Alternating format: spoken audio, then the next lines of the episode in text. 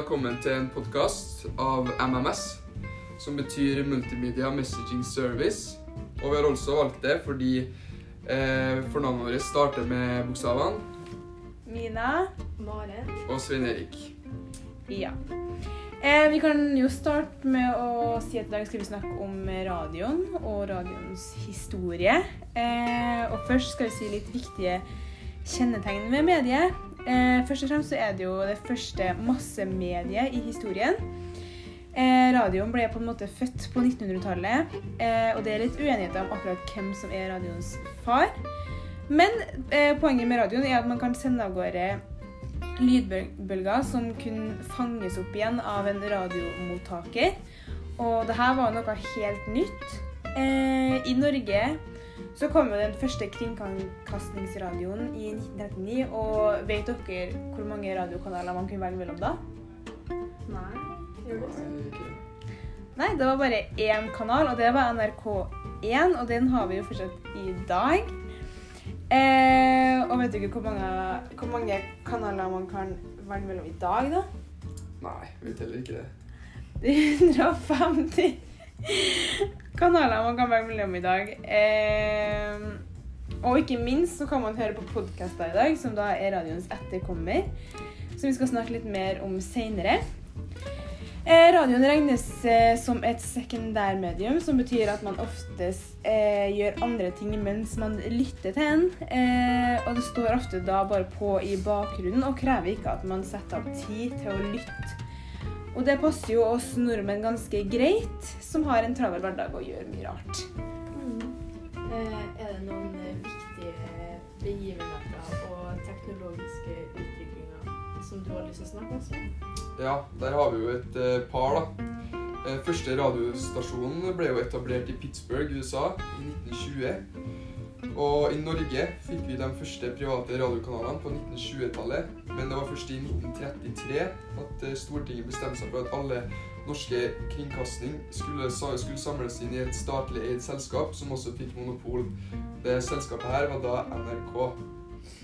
Og i 1937 fikk den første FM-radiostasjonen byggertillatelse av FCC. Eh, Radioens gullalder var i 1930 og fram til 1940. Spesielt under andre verdenskrig som eh, nyhetsformidler. Før fjernsynet kom i Europa, fantes det få radiokanaler for hvert land. Det var f.eks. en satsing på de større radiokanalene, sånn som BBC, som er fra Storbritannia. Når fjernsynet ble en stor konkurrent, gikk flere land over til flere kanaler med musikkinnhold.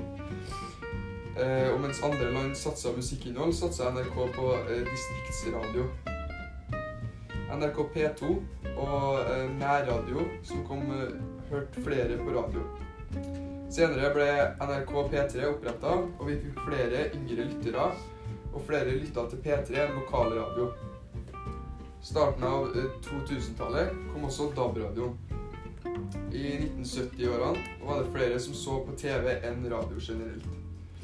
Radioen ble eh, enda lettere tilgjengelig når man kunne høre på radio på nettbrett, PC eller mobil.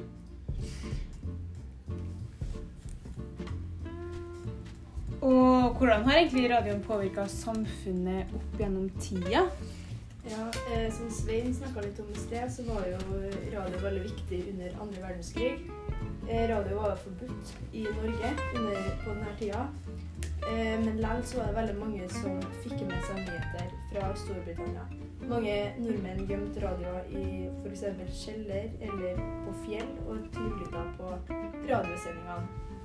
Og eh, etter andre verdenskrig så ble radio et allemannseie. Folk eh, innså hvor bra radio var, og det var veldig mange som det.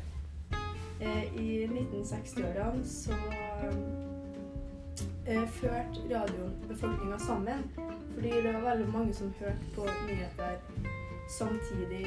Eh, F.eks. hele familien samla seg for å høre på nyheter, eller på samme underholdningsprogrammene.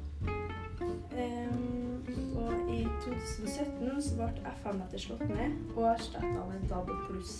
Og det gjør at eh, det er kun noen få FM-kanaler igjen. Og en av de kanalene er Nea Radio, så hvis man fortsatt har FM-nett i biler, så er nesten Nea Radio den eneste kanalen man kan høre på. Ja.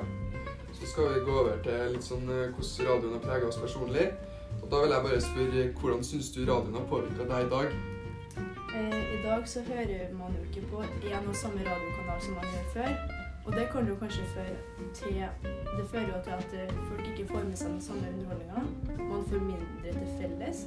Og det kan kanskje være en, en grunn til at man kanskje har litt mindre å småprate om enn før. For før kunne man jo snakke om hva som gikk på radioen. Men når ikke alle sammen hører på det samme, så har man ikke det samme til felles. Eh, og ja, Mina snakka litt om at radioen er et sekundærmedium. Man hører på radio mens man kjører bil eller lager middag. Og jeg hører på podkast hver morgen. Og eh, siden podkast er veldig enkelt å lage, så finnes det så mange forskjellige podkaster å velge mellom. Og mens jeg hører masse på f.eks. Vegard Harm og Morten Hegseth eller Herman Flesvig og Mikkel Niva. Ja, jeg hører også Eller jeg hører på, på radio hver morgen. På P3. Det er litt mer ungdommelig kanal. Får du med litt mer nyheter også? Ja, de har jo sånn hver halvtime på morgenen så har de jo sånn eh, nyhetsinnslag, da. Og det er jo litt mer sånn nyheter som er litt mer målretta den ungdommelige alderen, da.